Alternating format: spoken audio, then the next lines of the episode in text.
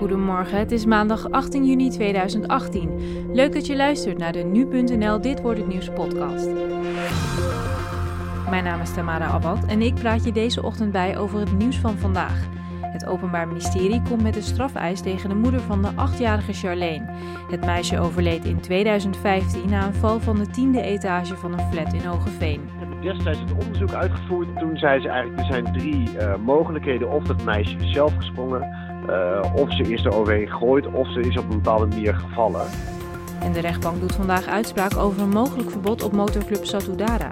Dat hoor je straks, maar eerst blikken we kort terug op het belangrijkste nieuws van afgelopen nacht. In Colombia is de rechtse presidentskandidaat Ivan Duque verkozen tot de nieuwe president. In de tweede ronde van de presidentsverkiezingen versloeg hij zijn linkse rivaal Gustavo Petro. Duque kreeg 54% van de stemmen.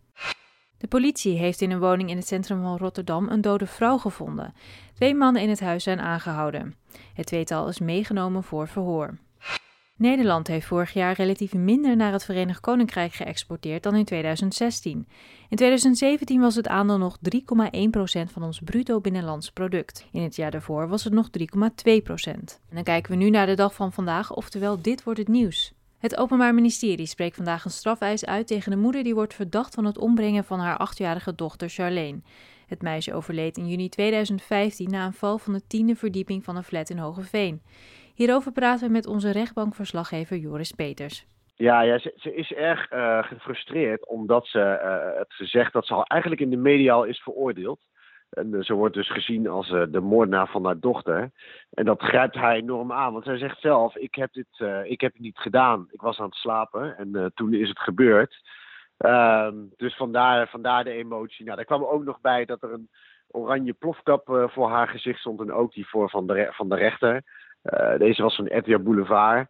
Uh, en ze had het gevoel in een soort show te zijn beland. En uh, terwijl het hier dus om de, om de, hè, om de dood van haar dochter ging. Ja. Uh, en dat, dat hielp allemaal niet mee. En bij die dood, ze zegt dus inderdaad, ik weet niet wat er precies is gebeurd. Dat is ook de reden waarom het OM aanvankelijk deze zaak had geseponeerd? Nou ja, ze hebben destijds het onderzoek uitgevoerd. Toen zei ze eigenlijk, er zijn drie mogelijkheden. Of dat meisje is zelf gesprongen, of ze is er overheen gegooid, of ze is op een bepaalde manier gevallen. Um, maar ze konden daar geen bewijs voor vinden, voor alle drie de theorieën niet.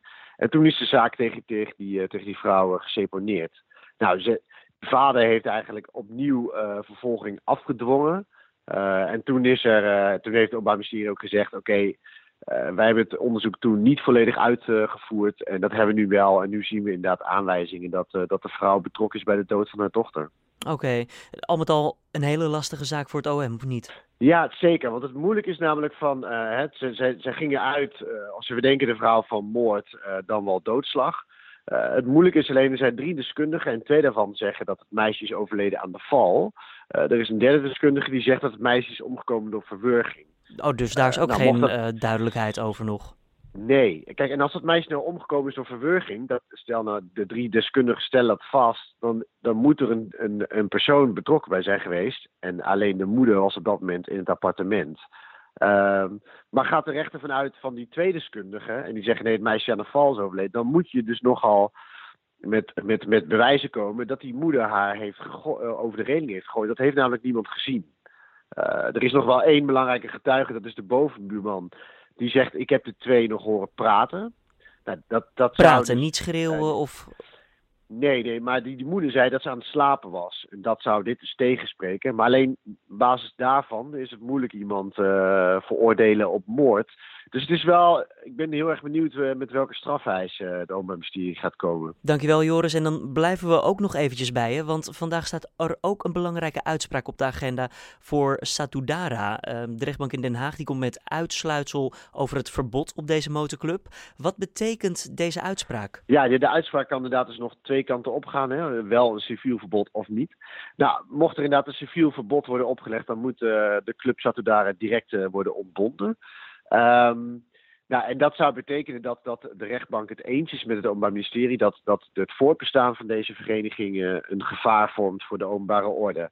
Uh, het Openbaar Ministerie zegt uh, dat het bestuur van deze club eigenlijk leiding geeft aan criminelen. Het is een criminele organisatie en daarmee geeft het leiding aan criminelen en die zorgen voor een verstoring van de openbare orde. Dus ook gevaar voor burgers, hè, die kunnen daar ook mee te maken krijgen. Vooral omdat Amsterdam daar bijvoorbeeld ook oorlog voert met andere clubs. En aangezien het dan in, in, in de straten wordt uitgevochten, laat ik het zo maar zeggen, kunnen burgers daar ook hinder van ondervinden en moet deze club daarom verboden worden. Um, kiest de rechterbank daar nou niet voor? Die zegt nee, er is geen civiel verbod. Uh, want wij vinden het niet genoeg aangetoond dat deze club inderdaad een gevaar vormt voor de openbare orde. Um, ze zullen inderdaad wel erkennen dat genoeg leden van Satudara een, eh, een strafblad hebben. Hè, dat het om boeven gaat. Dat ontkent de advocaat van de club zelf ook niet.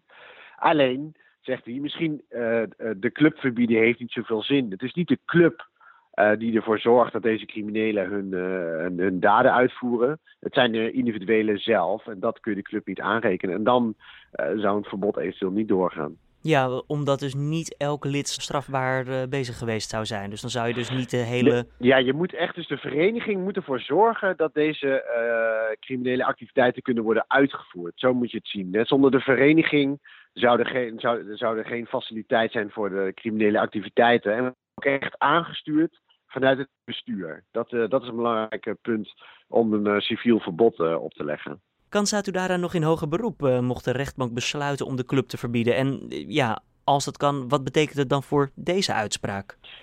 dat kan zeker. De Bandido's hebben dat ook gaan, gedaan. Die zijn eerder verboden dit jaar. die zijn in hoger beroep en dat moment geldt het verbod niet. Een rechter kan daar overigens wel een uitzondering op maken dat hij echt in de uitspraak opneemt. zolang er hoger beroep loopt, geldt het verbod nog steeds. Uh, maar dat, ja, dat, dat, normaal gesproken uh, geldt een verbod dan niet. In ieder geval bij een civiele procedure geldt dat als je een hoger beroep aantekent, dat het verbod dan ook uh, op dat moment niet geldt. Is er een verwachting uit te spreken namens jou? Ik vind het heel lastig. Het, het, het verschil bijvoorbeeld met Bandido's was duidelijk. toen zij in Nederland zich vestigden, ontstond er een, een soort van oorlog met de Hells Angels. En er waren ook aantoonbaar, hè, er waren ook aanslagen op, op huizen van leden van de Bandido's. En dan zie je wel dat er een direct gevaar is voor de openbare orde. Satudara is dat iets, is dat minder het geval. Dat ligt minder aan de oppervlakte. Uh, het Openbaar Ministerie heeft wel incidenten laten zien. Maar het is de vraag of dat, uh, of dat ook genoeg is. Um, en, dat, en kijk, welke uitspraak er ook gaat komen, je kan erop rekenen dat zowel Satudara uh, als het Openbaar Ministerie in hoger beroep zou gaan als de beslissing niet in hun voordeel uitvalt. Je hoorde nu.nl verslaggever Joris Peters. Je kunt al het nieuws over deze rechtszaken uiteraard op nu.nl volgen. Dan de WK-update voor deze maandag. Zweden speelt tegen Zuid-Korea en de wedstrijd begint om 2 uur. En België neemt het vanmiddag om 5 uur op tegen Panama. Als laatste wedstrijd van de maandag staat Tunesië tegen Engeland op het programma. De aftrap is om 8 uur. En elke dag vind je op nu.nl welke wedstrijden gespeeld worden en natuurlijk het laatste WK-nieuws. De Duitse christendemocratische zusterpartijen CDU en CSU zijn verwikkeld in een conflict. Oneenigheid over het asielbeleid bedreigt de regeringscoalitie. CSU wil een strengere aanpak dan het Weerschaffendas-beleid van bondskanselier Angela Merkel. Maandag legt minister van Binnenlandse Zaken Horst Seehofer van CSU zijn nieuwe beleidsplannen voor aan het partijbestuur. En maandag begint ook de strafzaak tegen de 17-jarige verdachte Angelo S. Hij zou betrokken zijn geweest bij de dood van de 14-jarige Savannah. Het lichaam van het meisje werd op 4 juni vorig jaar gevonden in een sloot in Bunschoten. Omdat hij minderjarig is, vinden de zittingen achter gesloten deuren plaats. En dan kijken we nog even naar het nieuws van andere media. In de toekomst moeten gevangenen hun verlof verdienen. Dat zegt minister Sander Dekker voor rechtsbescherming in de Telegraaf. Volgens Dekker is het verlof nu nog te vrijblijvend. Hij vindt dat het verlof gekoppeld moet worden aan een reïntegratiedoel, zoals bijvoorbeeld het aanvragen van identiteitspapieren. 1 op de 8 universitaire masteropleidingen weert HBO-studenten. Dat schrijft Dagblad Trouw. De krant baseert zich op onderzoek van de Landelijke Studentenvakbond. Het probleem ligt bij de schakeltrajecten die afgestudeerde HBO's moeten volgen. Bij ruim 100 masteropleidingen zou voor hen geen of alleen beperkte toegang zijn via zo'n programma. De ICT-problemen bij de Belastingdienst zorgen ervoor dat het kabinet nog geen nieuwe belastingplannen kan doorvoeren. Dat hebben belastingambtenaren aan de Volkskrant laten weten. Doordat het de fiscus niet lukt om snel nieuwe maatregelen te verwerken, moet de invoering van een aantal punten uit het regeerakkoord mogelijk nog even wachten. Vier op de tien producten bevatten allergenen die niet als ingrediënt op het etiket worden genoemd. Dat schrijft het AD op basis van onderzoek van UMC Utrecht en TNO. Verkeerde of onvolledige waarschuwingen op etiketten kunnen leiden tot levensbedreigende situaties. De onderzoekers hebben een jaar lang 157 patiënten met een allergie gevolgd. Bijna de helft kreeg één of meerdere allergische reacties. Zes van hen zijn zelfs op de spoedeisende hulp beland. Dan gaan we nu naar het weer van vandaag. Maandag wordt het iets warmer dan het weekend, 19 tot 23 graden. Daarbij wisselen wolkenvelden en zonnige momenten elkaar af. Een bui blijft mogelijk, maar meestal is het droog. En dan nog even dit. Het voetbalteam van Zuid-Korea doet er alles aan om zijn eerste tegenstander op het WK in de war te brengen. De bondscoach liet zijn spelers tijdens de afgelopen interlands en trainingen regelmatig van rugnummer wisselen. We gebruiken deze tactiek omdat ik weet dat het voor Europeanen erg lastig is om onderscheid te maken tussen Aziaten, al dus de coach. nu maar afwachten of de Zweden zich hierdoor vanmiddag van de wijs laten brengen. Dit was dan de Dit wordt het nieuws podcast voor deze 18 juni. Je vindt onze podcast maandag tot en met vrijdag om 6 uur ochtends op nu.nl of in je podcast app natuurlijk. Abonneer je ook gelijk even op onze podcast, dan staat elke ochtend speciaal voor jou een nieuwe aflevering klaar. En heb je feedback? Laat het vooral weten. Stuur een mailtje naar redactie.nu.nl of zet een recensie op iTunes. En voor nu, tot morgen.